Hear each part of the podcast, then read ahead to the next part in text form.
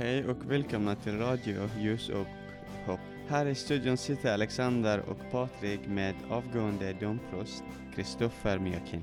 Hur ser du på kyrkan internationellt sett? Den svenska kyrkan är ju liberal i jämförelse. Ja, i jämförelse med vissa i alla fall.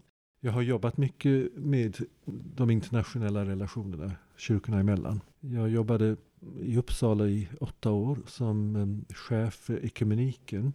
Det vill säga relationerna mellan olika kyrkor i, både i Sverige och ute i världen.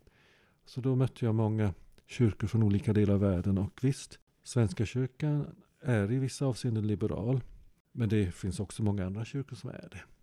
Men eh, poängen med ekumeniken är att man ska kunna hitta sätt att ändå mötas och samverka och kanske förstå varandra bättre fast man har, gör olika tolkningar av vissa delar av vad det är att vara kristen, vad det är att vara kyrka. Och även om man kommer fram till olika beslut i vissa frågor så måste vi ändå kunna mötas som kristna.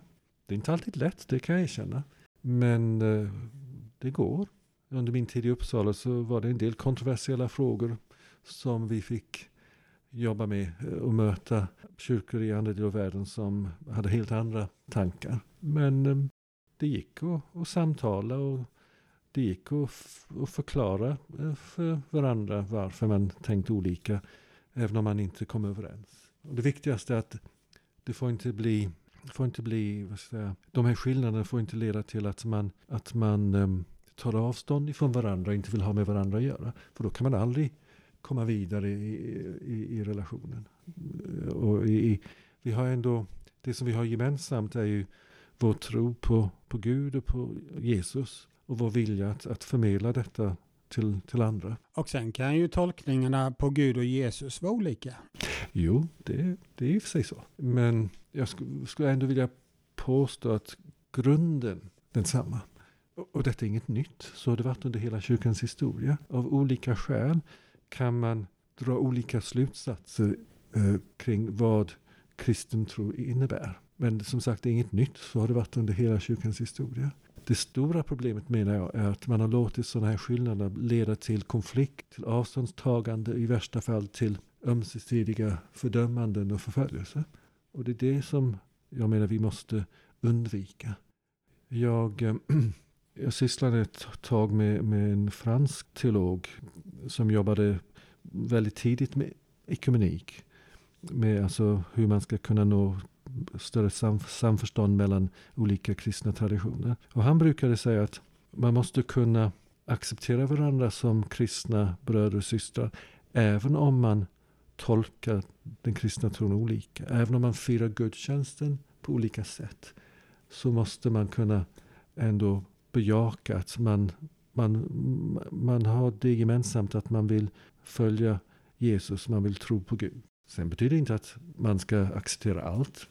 En sann ekumenik kan också innebära att man kan ge kritiska synpunkter till varandra. Man kan acceptera dem som människor, som kristna bröder och systrar. Och samtidigt säga att ja, det där som, som du säger om just den delen av den kristna tron, den håller jag inte riktigt med om. Men jag förstår att du, du, vill, du vill tro på Gud lika starkt, lika mycket som jag vill. Det är inga enkla frågor, men, men ehm, jag tror att det vi måste komma ifrån det är att, att förkasta varandra och motarbeta varandra.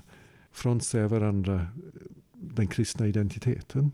Det tror jag inte leder någonstans.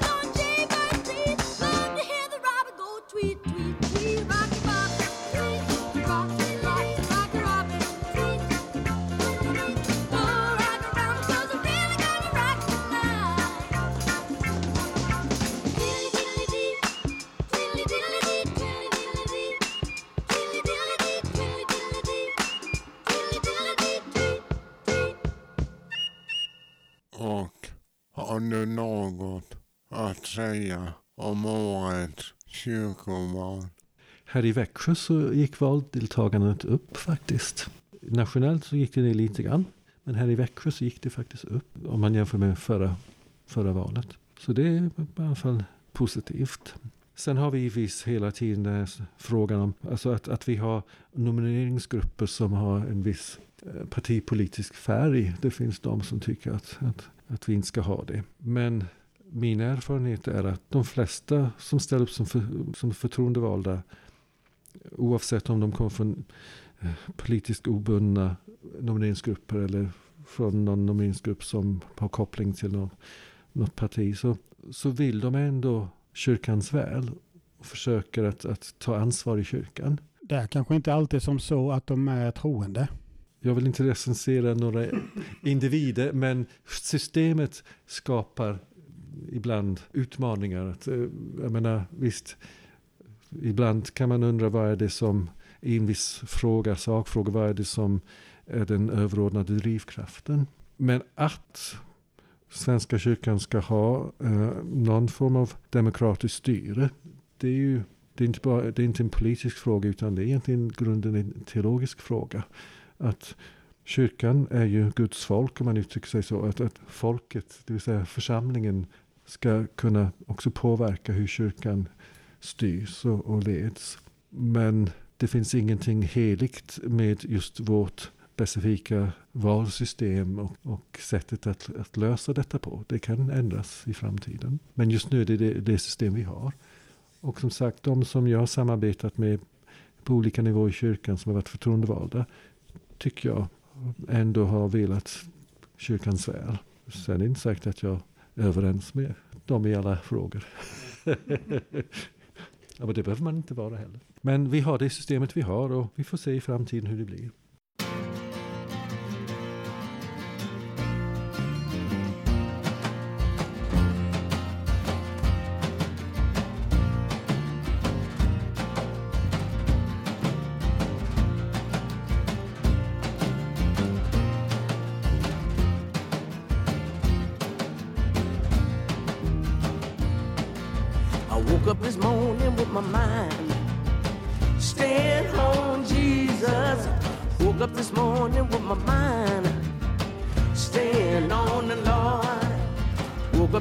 This morning with my mind. Staying on Jesus. Hallelujah, hallelujah, hallelujah. Singing and praying with my mind. Staying on Jesus, singing and praying with my mind, staying on the Lord, singing and praying with my mind, stay on Jesus, hallelujah, hallelujah, hallelujah.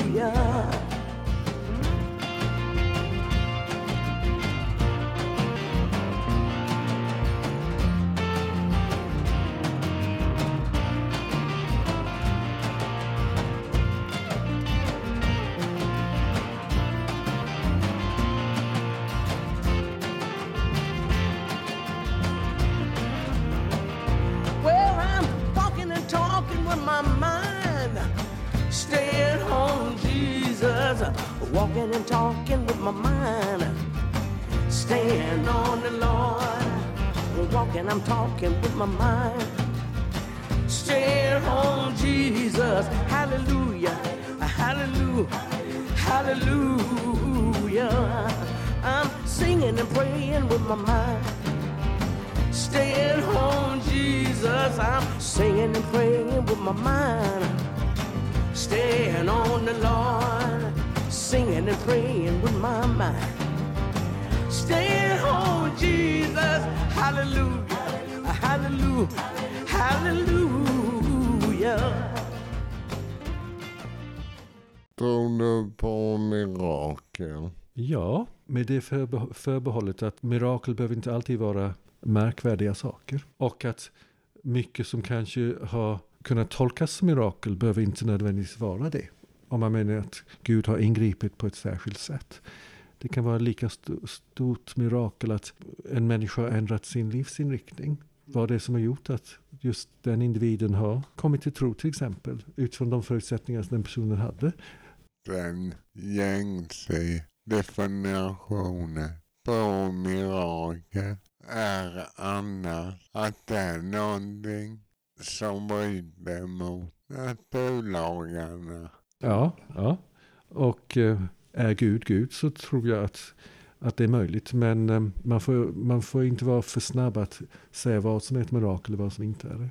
För det ibland eh, kan en tolkning bero på bristande kunskap om vad som faktiskt har skett. Men eh, är Gud Gud så kan man inte utesluta att om ni förstår vad jag menar. Att är, finns det, är Gud, alltså, om, om det finns en Gud och om Gud är vad vi menar med Gud, då, då, då, då, ja, allsmäktig, då, då måste Gud kunna hantera de naturlagar som finns i den, i den verklighet som Gud ytterst står bakom och skapat.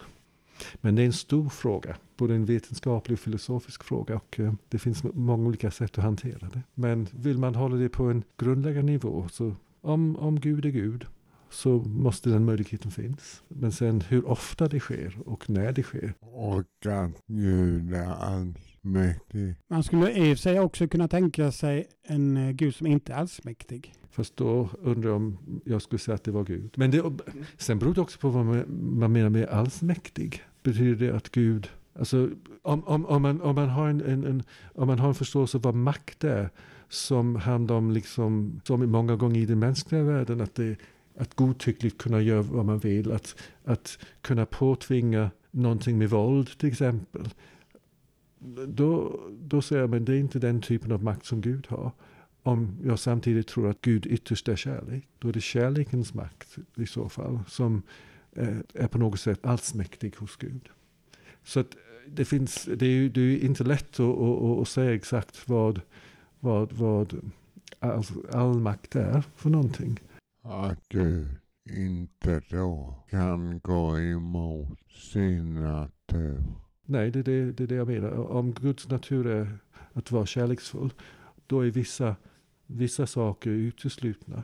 För det skulle liksom vara motsägel, en motsägelse i Gud. Medan andra tror att eh, det finns ibland en, en, en uppfattning om, all, om allmakt som innebär att Gud kan göra precis vad Gud vill godtyckligt oavsett. Bestämmer Gud sig för att göra någonting som är den yttersta kärlekslösheten. Ja, då kan Gud göra det om Gud är allsmäktig. Men jag menar att det strider mot vem Gud är. Då, då, då, då gör inte Gud det. Men det är ju avsnitt i Gamla Testamentet som visar på en våldsam natur hos Gud. Ja, men då får man fundera över vad, vad, är, vad är Gamla Testamentet och, och ja. Ja, det, det ena ger det andra. Det leder till komplikationer.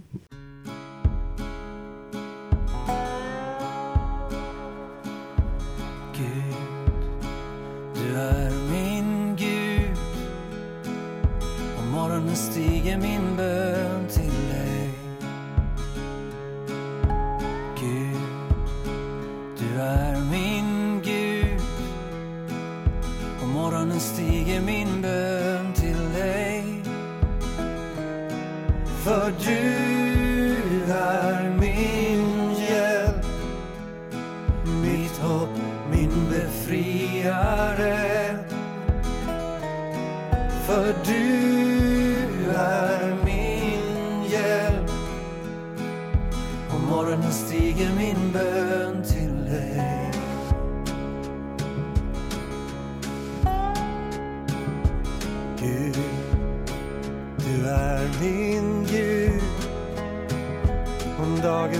dagen stiger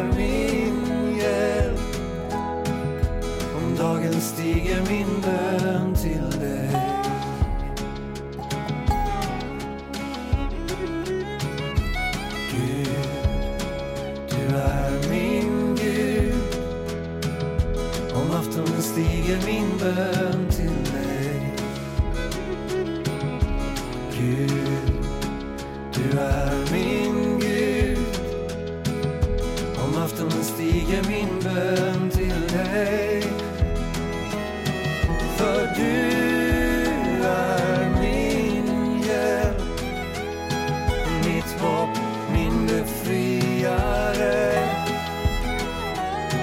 För du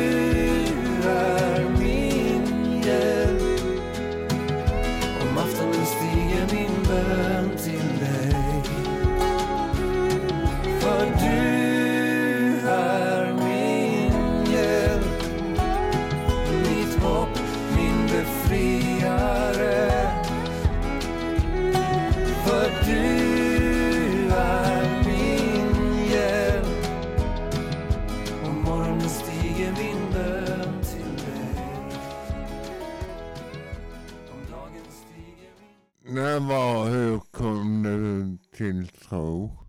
På ett sätt har jag alltid varit troende. I den bemärkelsen att jag är uppvuxen i en kristen familj. Men jag kan väl säga att jag tog ställning själv eller bekräftade det som jag ändå fick eh, genom att jag föddes in i en kristen familj. När jag var till exempel, ja det måste ha varit 10-11 års ålder. Och det var i den vevan som jag första gången övervägde att bli präst. Så för mig är det egna ställningstagandet väldigt mycket förknippat med att känna att man vill göra någonting i kyrkan. Sen tog det lång tid innan jag blev präst. Men, um, ja. men eh, på något sätt har, har tron funnits där hela tiden. Men um, också en kritisk tro för min, min pappa var vetenskapsman och forskare. Och det var viktigt för honom att förena tron med vetenskapen, med kritiskt tänkande och så. Så att det var fullt tillåtet i familjen att diskutera ifrågasätta och så. Och det är dels genom religionen, vetenskapen har sin början då man ville utforska Guds skapelse. Och då fanns det ingen konflikt mellan religion och vetenskap. De vanliga beskrivningarna av, av konflikter mellan vetenskap och tro i historien är oftast väldigt förenklade. Man lyfter fram konflikten och, och missar många gånger att beskriva liksom så här, diskussionerna som finns kring detta. Utan det är när det blev en riktig konflikt som, ja, då, då, då fokuserar man det i historiebeskrivningen. Jag tänker på, på Galilei och på, på Darwin och de, de konflikterna. Men Runt evolutionen är det konflikt. Ja, alltså återigen det beror på, jag menar, det beror på hur man förstår det som står till exempel i, i, i första Moseboken. Är det en exakt beskrivning av vad som händer eller en beskrivning av, av så att säga, att, att Gud har skapat detta. Men exakt hur det gick till är, är det som står i första Moseboken och andra Moseboken. Är det, eh, förlåt, eh, första och andra kapitlet i första Moseboken. Är det en exakt beskrivning av själva händelseförloppet? Eller är det en, en, en sanning som man uttrycker den tidens um, språk eller den tidens um, tankesätt för att förmedla att det är Gud som, som har skapat detta. Men återigen, om Gud är Gud så kan Gud ha skapat genom evolutionen.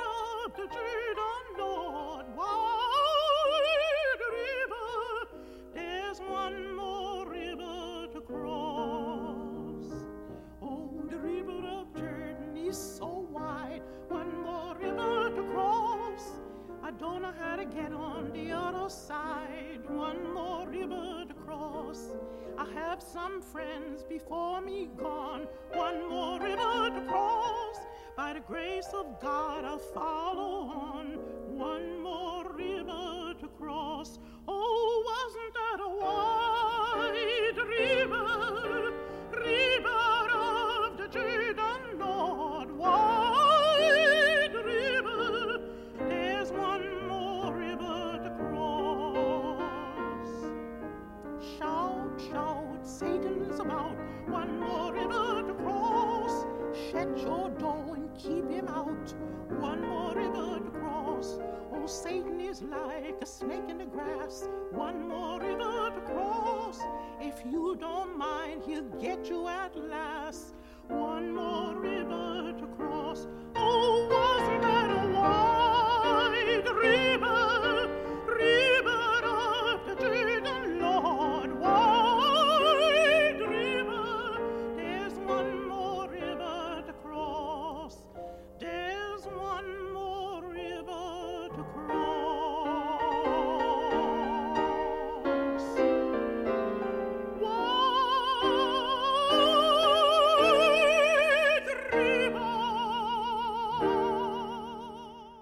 Du lyfte fram innan, men det finns saker i Gamla Testamentet där Gud framställs på, på ett mindre kärleksfullt sätt. Så man, man får hela tiden fundera på vad är det man försöker säga? Vad är det som då, står bakom detta? Och ehm, för mig är det viktigaste att veta att anledningen till att vi finns till överhuvudtaget är därför att Gud vill det. Har du något bästa argument för Guds existens?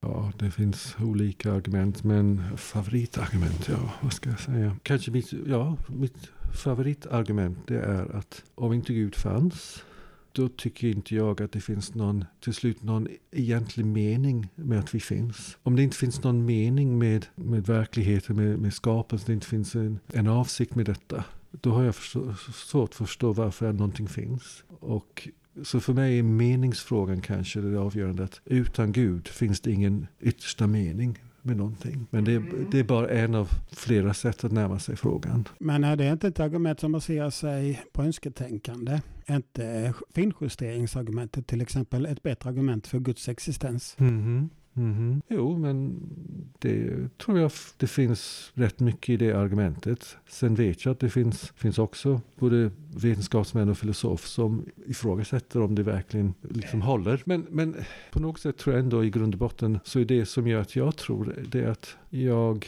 har liksom upplevt en, en Gud har kommit mig nära.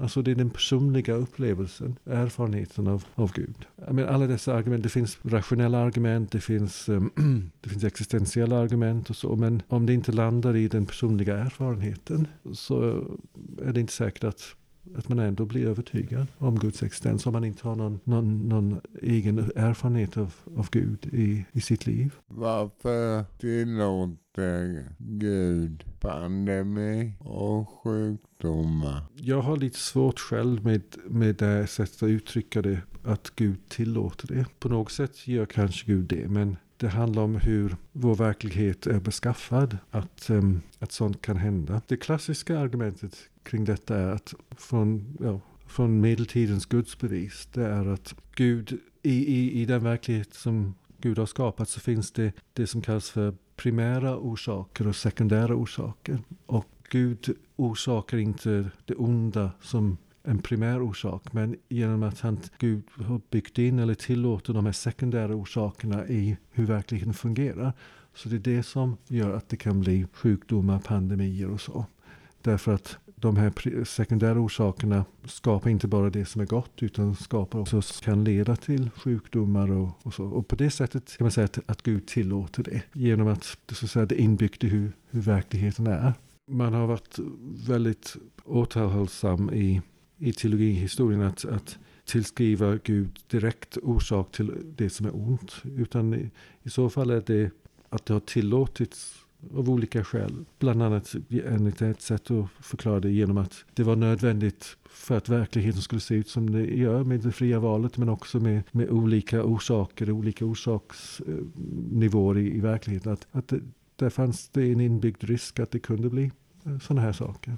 I nästa program kommer avslutande del av samtalet med Kristoffer Meakin. Välkommen då och vi tackar för oss denna gång. Och, eh, musiken vi har spelat har varit följande.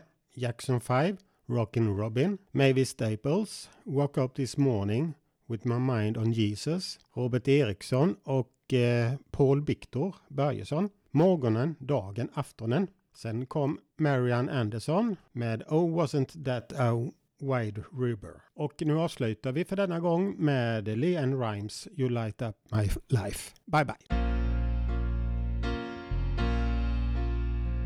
So many nights I'd sit by